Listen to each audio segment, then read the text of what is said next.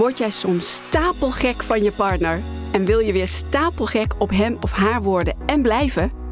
Welkom bij de Stapelgek Podcast. Breng het huis in orde, zodat het klaar is voor de volgende morgen. Denk eraan eventueel een ontbijt op voorhand klaar te maken. Als je man voorstelt te paren, aanvaard dan met nederigheid. Maar houd steeds in het achterhoofd dat het plezier aan de man is besteed en veel belangrijker is dan dat van een vrouw. Mijn naam is Sharon Overweg en ik ben relatietherapeut voor topondernemers en hun liefdespartner. In deze podcast ga ik met je hebben over het mooiste, maar misschien wel het moeilijkste en het meest gecompliceerde dat er bestaat. Jawel, de liefde.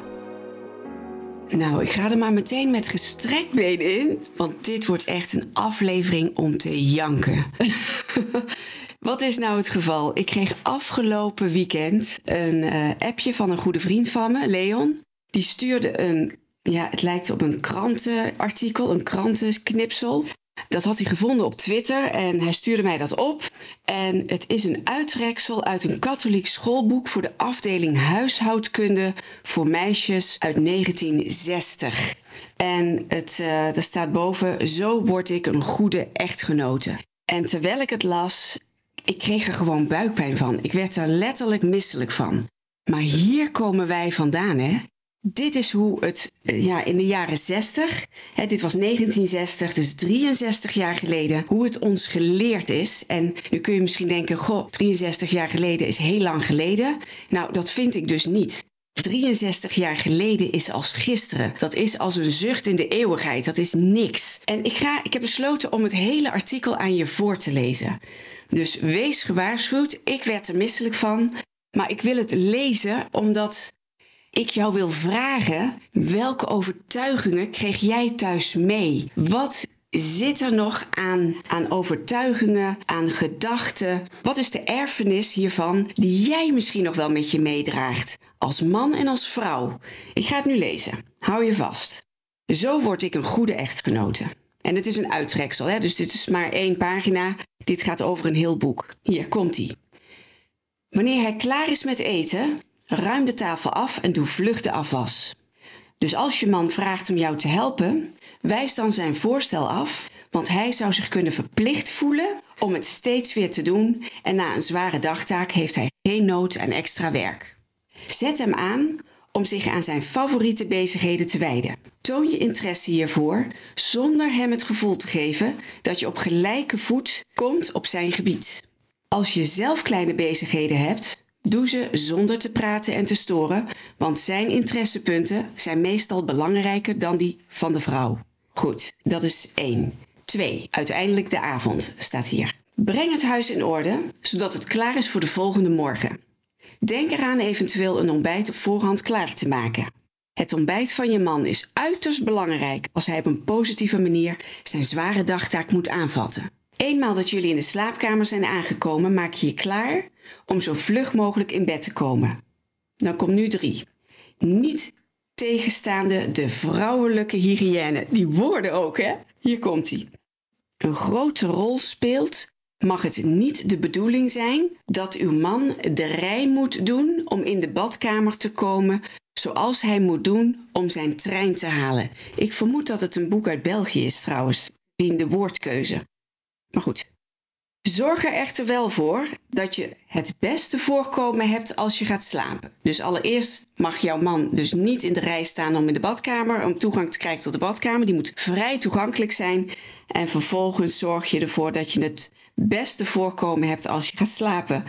Tracht een voorkomen te hebben dat innemend is, zonder uitdagend te zijn. Als je een nachtcrème moet aanbrengen of krulspelden, wacht dan tot hij slaapt, want het zou hem kunnen ergeren bij het zien van een dergelijk schouwspel net voor het slapen. Dit geloof je toch niet, lieve mensen? Het is toch niet te geloven? Dan komt het volgende. Wat de intieme relaties betreft met je man. Het is heel belangrijk je te herinneren wat jullie elkaar beloofden bij het huwelijk. En voornamelijk de belofte van gehoorzaamheid. Als hij van oordeel is onmiddellijk te willen slapen, dan zal het zo zijn. Te alle tijden word je geleid door de wil van je man en oefen je op geen enkel moment druk op hem uit om hem tot een intieme relatie te stimuleren. Zo, dat je het weet hè. Volgende. Als je man voorstelt te paren. Ja, zo staat het er echt. Zo staat het er echt. Als je man voorstelt te paren. Aanvaard dan met nederigheid. Maar houd steeds in het achterhoofd dat het plezier aan de man is besteed en veel belangrijker is dan dat van een vrouw. Als hij zijn orgasme bereikt, is een beetje gekreun van jouw kant niet misplaatst.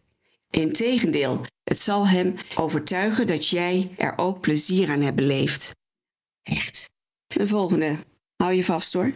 Als je man minder normale handelingen voorstelt, gedraag je gehoorzamend en leidzaam, maar geef je eventueel ongenoegen aan door een stilzwijgen. Het is waarschijnlijk dat je man onmiddellijk zal inslapen. Breng je kledij weer in orde. Breng je schoonheidsproducten aan, als ook je haarverzorging. Oh ja, want dat mocht hij natuurlijk niet zien. Dat zou hem kunnen ergeren. En als uh, laatste, tenslotte, nu mag jij de wekker zetten. Nou, fijn. Om zeker even voor je man op te zijn voor de morgen. Zo kan je hem een kopje thee maken tegen de tijd dat hij wakker wordt. Nou, dit was het. Dit was dat artikel. Dit is een uittreksel. Dus dit gaat over een uittreksel van een boek. Nou, ik kreeg, kreeg er echt. Ik werd er misselijk van. En weer als ik het lees, denk ik: dit is toch niet.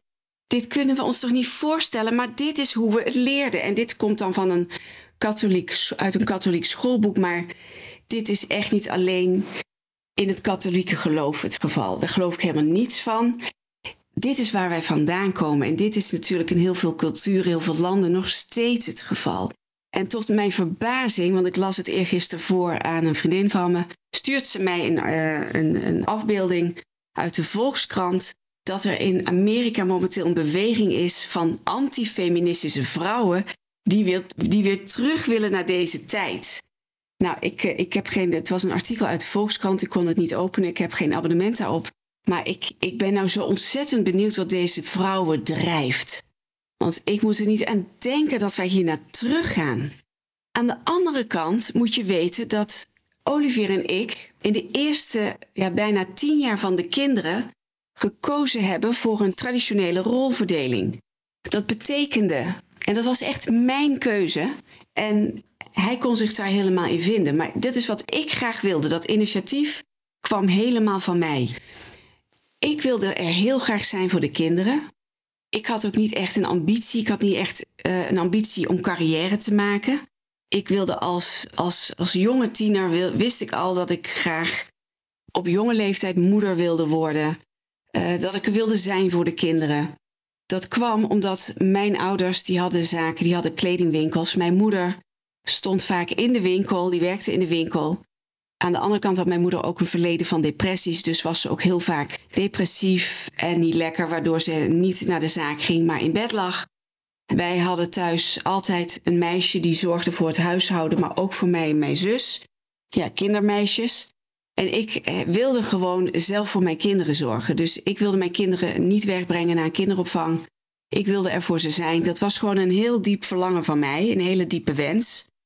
Dus niet omdat wij het slecht hadden, maar ik heb dat gewoon, ik schijn dat als, ik schijn dat als kind al te hebben gezegd. Als ik later kinderen heb, dan wil ik zelf voor ze zorgen. En ik heb daar denk ik verder ook nooit meer zo over nagedacht. Dat was gewoon voor mij, ik denk zelfs een overtuiging geworden. Dus toen wij kinderen kregen, toen wilde ik gewoon heel graag voor de kinderen zijn. En dat gaf ook rust. Dus ik vond dat fijn. Niet altijd trouwens, want soms word je gewoon helemaal simpel van alleen maar het zorgen voor de kinderen en het huishouden. Het is gewoon niet altijd leuk. Het is ook gewoon heel vaak heel saai. Maar daar hebben wij toen bewust voor gekozen. En ja, dat gaf, dat gaf rust. Olivier had toen een baan die reisde over de hele wereld. Uh, het was gewoon heel fijn dat hij zijn ding kon doen. Hij uh, had wel heel erg veel ambitie. En dat was fijn dat dat gewoon daardoor mogelijk was. Maar dat, dat, daar, was wel, daar hadden wij afspraken over en dat was wel op basis van respect. En niet, ja, ik hoefde niet zijn pantoffeltjes klaar te leggen. Hij verwachtte niet dat, eh, dat, dat, dat het eten klaar stond als hij thuis kwam. Hij hielp mee als hij thuis kwam in het huishouden. Hij hielp mee in de zorg van de kinderen. Dus het is niet te vergelijken met het artikel wat ik net voorlas. En daarom werkte dat gewoon heel erg goed voor ons. Maar ik ben gewoon heel erg benieuwd wat doet dit artikel met jou? En wat betekent respect voor jou? En deze vraag, als je, mocht jij ondernemer zijn, dan wil ik jou een vraag stellen. En je hoeft mij niet te antwoorden. Ik zou het wel heel leuk vinden om wel van je te horen. Ik ga heel discreet met je, met je reactie om. Ik ben gewoon heel erg benieuwd. Als ik jou nou vraag, goh, stel dat alles mogelijk is.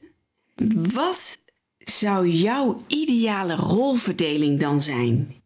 Hoe zou jij de rolverdeling tussen man-vrouw, en ik heb het over man-vrouw, maar dit kan ook man-man zijn, vrouw-vrouw. Ik vind het sowieso daar heel. Ja, ik vind het vandaag de dag heel ingewikkeld met de LHTB. Ik bedoel, we hebben tegenwoordig niet alleen man-vrouw, we hebben het hele alfabet. Ik hou het niet meer bij, moet ik eerlijk zeggen. Ik vind dat wel goed hoor, want ik denk, het is niet alleen man-vrouw, er zijn nog heel veel andere smaken. Eh, maar ik heb het nu maar even heel traditioneel over man-vrouw. Dat vind ik zelf gewoon even heel makkelijk. Hoe zie jij de rolverdeling als je bloed eerlijk bent? Als je bloed eerlijk bent en geen politiek correct antwoord hoeft te geven, wat is dan jouw ideale rolverdeling? Zou je stiekem toch terug willen naar de jaren 60? Zo ja, waarom dan? En hoe zou jij dat dan met een modern jasje wellicht dan vorm willen geven? Of zeg je van nou, nee, dit kan echt niet, dit kan echt niet, dit moeten we niet meer willen. Ik ben gewoon heel erg benieuwd, hoe zie jij dat? Want ik heb het in een vorige podcast eh, ook uitgelegd. Als ik kijk naar de rode draad in mijn cliëntenprofiel, dan is het nog best wel traditioneel. Dan is het vaak de man die, ondernemen, die de ondernemer is, die 70, 80, 90 uur per week werkt, die vaak een partner heeft, een vrouw, die voor de kinderen zorgt, voor de geoliede familie BV, die taxiet met de kinderen van school naar de hockey brengen, halen. En ik zeg altijd, dat is een hell a job. It's a hell a job. En dat kan natuurlijk heel goed werken als beide het besluit nemen om het op deze manier te regelen. Dat kan verzorgen voor heel veel rust. En dat zie ik dus ook heel vaak nog terug dat het zo nog steeds werkt. Maar wel vanuit respect, vanuit wederzijdse keuze. Hè, dat, is een dat is een besluit van beide. En toch wringt het daar vaak, toch schuurt het daar vaak, omdat beide zich vaak niet gehoord en gezien voelen. Hè, het is bijna altijd zo, 9 van de 10 is het thema dat beide zich niet gehoord en gezien voelen. Beide voelen zich niet gewaardeerd in het werk dat ze doen. Want als jij als moeder zorgt voor het, uh, voor het huishouden, voor de, voor de familie-BV, voor de kinderen. Dat is echt een zware taak, geloof me. Het is echt een zware en vaak hele saaie taak. ik kan het weten en ik hoor het terug van mijn cliënten. Maar die ondernemer die heeft, het, die heeft ook een heel, heel groot verantwoordelijkheidsgevoel. Die heeft heel veel verantwoordelijkheid te dragen. En ik ben gewoon heel erg benieuwd hoe kijk jij daarnaar, naar deze tekst die ik net, voorlas? Hoe, wat voor invloed denk jij dat het nog heeft op jullie relatie? Dus welke boodschappen kregen jullie mee van huis? Weet je, ik kreeg ook de boodschap mee: stand by your man. Dat was, in onze, ja, dat was gewoon zo. In onze, ik kom uit een ondernemersfamilie waarbij het inderdaad zo was dat, dat de vrouwen meewerkten in de winkels. Hè, ehm, mijn familie uh, bijna, zaten bijna allemaal in de detailhandel, in het textiel. De vrouwen hielpen mee in de zaak. Maar het was niet 50-50 verdeeld. Het was meer zo dat de vrouwen een aantal dagen meewerkten in de zaak. En toch ook vooral thuis ook zorgden voor het huishouden, voor de zorg voor de kinderen. Dus ik kreeg echt wel mee stand by your man. Nou, ik wilde niet in de zaak. Ik zag dat helemaal niet zitten. Maar goed, je krijgt wel een bepaalde overtuiging mee. En uh, nee, ik ben gewoon heel erg benieuwd wat draag jij, denk je, nog met je mee? Welk erfenisje draag jij, dragen jullie met je mee uit die tijd? Welk verhaal zou je willen loslaten? Nou ja, het zijn allemaal vragen. Ik ben gewoon heel erg benieuwd wat deze aflevering met je doet. Ik wens jou een mooie, liefdevolle dag en hele goede zaken. En een hele mooie, respectvolle rolverdeling tussen jullie beiden. Waarin jullie je beiden gehoord en gezien en gewaardeerd voelen. Bye bye!